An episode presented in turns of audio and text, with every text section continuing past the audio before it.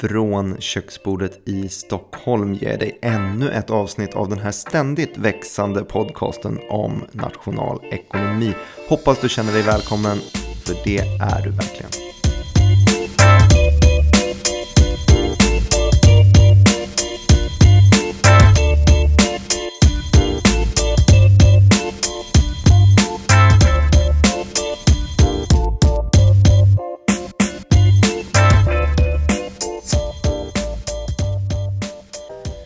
Det här är avsnitt nummer sex av podcasten som tar upp begrepp från grundkursen i nationalekonomi. Ibland slinker det också in en och annan fri tanke av den här rösten som ju tillhör Martin Nilsson.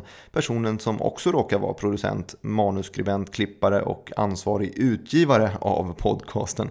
Dagens ämne det är beteendeekonomi och vi kommer faktiskt börja med lite historielektion. Men vi tar en snabb jingel först. Hepp hepp! 2002 fick Daniel Kahneman Nobelpriset i ekonomi. Eller ja, Nobelpriset i ekonomi finns ju faktiskt inte. Ekonomi är så pass nytt i vetenskapsvärlden att när den gamle Alfred Nobel la grunden för Nobelpriset fick ekonomi absolut inte vara med. Det tyckte den gamle Alfred var alldeles för ovetenskapligt. Ehm, Nobelpriset i ekonomi, eh, som det alltså egentligen inte heter, men som alla säger, det fixas i ordning av Riksbanken och heter citat Sveriges Riksbankspris i ekonomisk vetenskap till Alfred Nobels minne. Med det där långa namnet så fattar man ju att folk helt enkelt kallar det bara för Nobelpriset i ekonomi. Eh, nu svävade jag iväg lite mer än vad jag tänkte från ämnet, ursäkta för det. Jag ville skryta lite om Nobelkunskaperna. Men nu när det här är avklarat så kan vi gå tillbaka till Danny Kay eller Daniel Kahneman. Jag tror inte någon någonsin har sagt Danny Kay. Eh, han fick i alla fall det här Nobelpriset 2002. Vad är det som är så speciellt med det? Det är väl egentligen ganska många som har fått det priset. Ja, typ en per år. Ehm, det är jättemånga som har fått det, men 2002 var speciellt just eftersom att Daniel Kahneman inte var ekonom. Alls. Hold up, say what? Nej, eh, okej, okay, jag kanske gör det lite mer dramatiskt än det måste vara, men det är lite coolt i alla fall. Daniel Kahneman, han var professor i psykologi, inte ekonomi. Fattar ni hur snopet är när någon valsar in från sidan och ritar om hela nationalekonomiska diskursen? Okay, han kanske inte valsade in just en morgon utan det var väl någon form av livstid av forskning som visade sig vara användbar inom nationalekonomin. Daniel Kahneman han kunde nämligen systematiskt bevisa att människor inte är rationella i deras beslut. Han satte siffror på det som alla vet med människor, att vi är emotionella, impulsiva, förvirrade och väldigt ofta helt dumma i huvudet. Ekonomer har ju definitivt haft sina aningar om det här förut, att man är lite dum i huvudet till och från. Man fattade ju att människan kanske inte var helt rationell. Men Kahneman han var alltså en av frontfigurerna som satte det svart på vitt och framförallt visade hur man kunde räkna på det och bevisa det.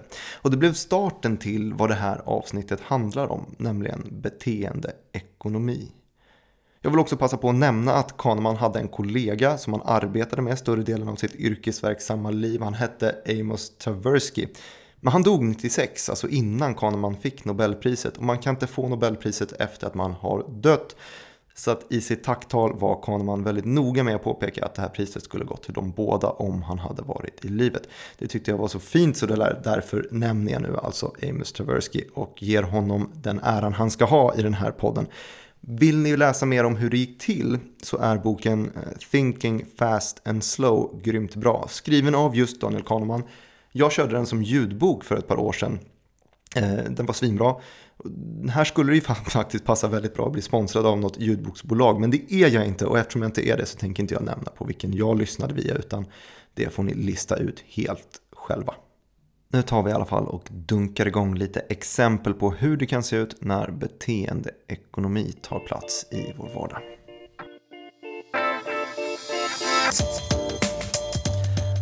Du står inför ett jättetrevligt val. Supertrevligt. Du vandrar på gatan och plötsligt såg du att du var omringad av ett tv-team, lite Valgrens värld-feeling och så får du frågan av en superhypad programledare. Hen sticker fram den här mikrofonen och frågar antingen så får du 90 000 kronor här och nu i handen eller så får du snurra på det här hjulet och där har du 95% chans att vinna 100 000 kronor. Vad väljer du? Du har alltså två val. Antingen får du 90 000 kronor med 100% säkerhet eller så har du chans att få 100 000 kronor men bara med 95% säkerhet. Det finns alltså en 5% i risk att du går därifrån tomhänt. Tar du det säkra, 90 000 kronor, eller tar du det osäkra valet? De flesta här, inte alla, men de flesta, de undviker risken att förlora allting och går hem med det säkra alternativet. 90 000 spänn. Okej. Okay. Du står inför ett otrevligt val. Jätteotrevligt. Du har nämligen lyssnat på fel polare och investerat pengar i en dålig aktieaffär. Och nu står du här med en klump i halsen och har två val. Antingen förlorar du 90 000 kronor med 100% säkerhet.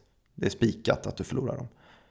Eller så står du för att kanske förlora 100 000 kronor. Men bara till 95% säkerhet. Det finns alltså en 5% i utväg att du klarar dig undan utan att förlora en enda krona.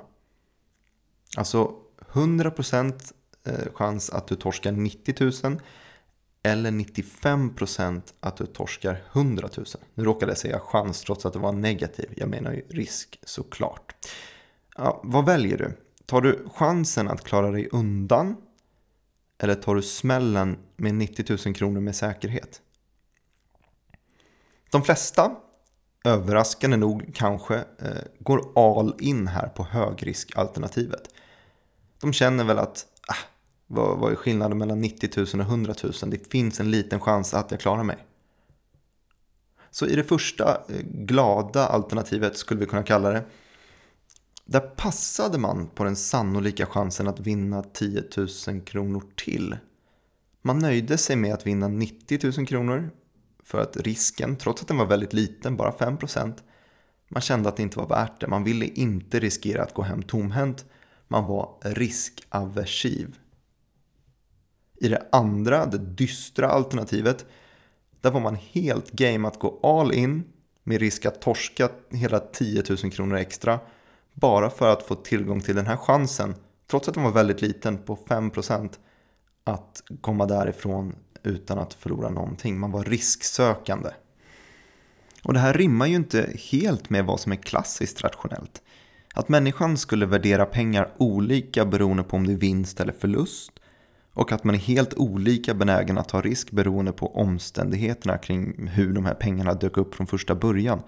Det här fenomenet det hittar man lite överallt i människans psyke.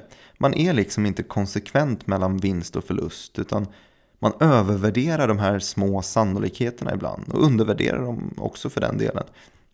Det gör att man i, i vissa situationer är onödigt riskaversiv och i vissa fall onödigt risksökande.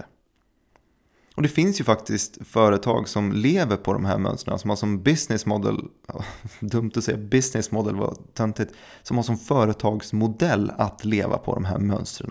Att folk är onödigt riskaversiva eller onödigt risksökande alltså. Om jag säger så här att när det är en liten risk, när du har en liten risk att förlora stora summor, då är du ofta irrationellt riskaversiv. Jag tar det igen.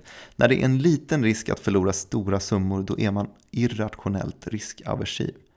Och hur kan jag säga det här? Jo, annars skulle inte försäkringsbolag gå runt. De lever ju helt på den här mellanskillnaden att folk felvärderar risk. Jag ska inte gå för hårt på det. Jag förstår såklart att man betalar försäkring för att slippa oroa sig. Även om händelsen man försäkrar sig mot är osannolik så kan den få smärtsamma konsekvenser om man plötsligt inte har råd att fixa händelsen. Då tar man hellre och betalar lite extra till försäkringsbolaget varje månad så slipper man ha en kriskassa när någonting händer. Jag köper det.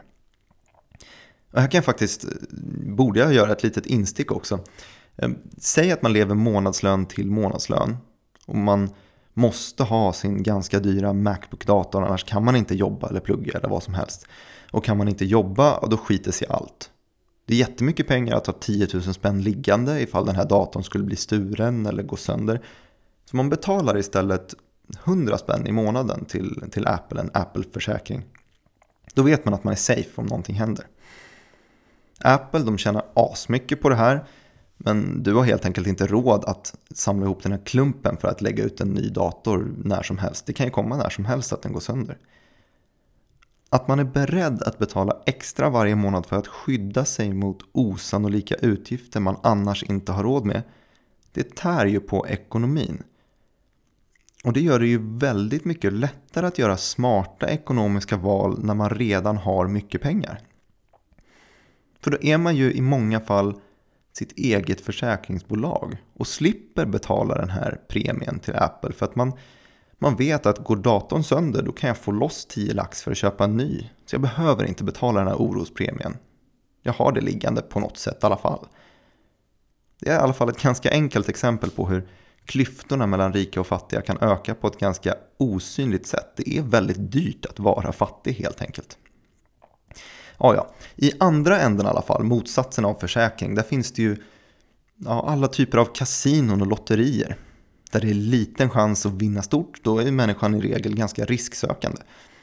Ja, annars skulle de ju inte få ihop den här företagsmodellen. Mellanskillnaden tar ju företaget bakom kasinotjänsten eller lotteriet.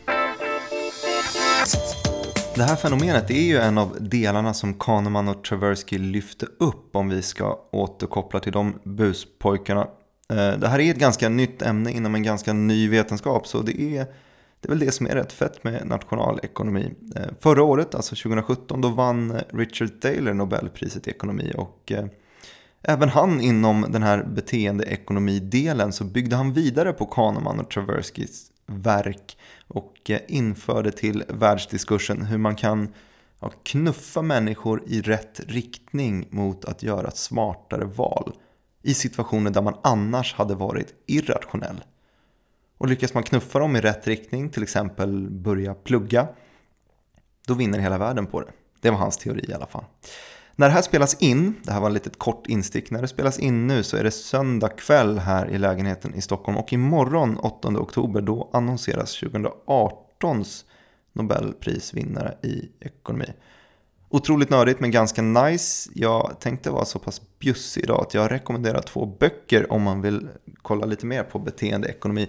Den ena har jag redan outat, det är Thinking, kommatecken Fast and Slow. Det är titeln alltså av Daniel Kahneman. Den andra är Beslut och beteenden av Richard Taylor. Den heter ju såklart något annat på engelska men jag hade den på svenska, Beslut och beteenden. Eh, har ni några synpunkter på podcasten, kanske något ni vill att jag tar upp eller om jag rent har, har haft fel om något. Ja, det händer också. Då vill jag veta det och eh, ni kontaktar mig lättast på nekpodcast.gmail.com. Jag har också sett att det börjat komma in lite recensioner på podcasterappen. Sånt är skitkul tycker jag. Ge mig gärna högre betyg än jag förtjänar så har jag ju något att jobba mot. Vi ses igen nästa vecka.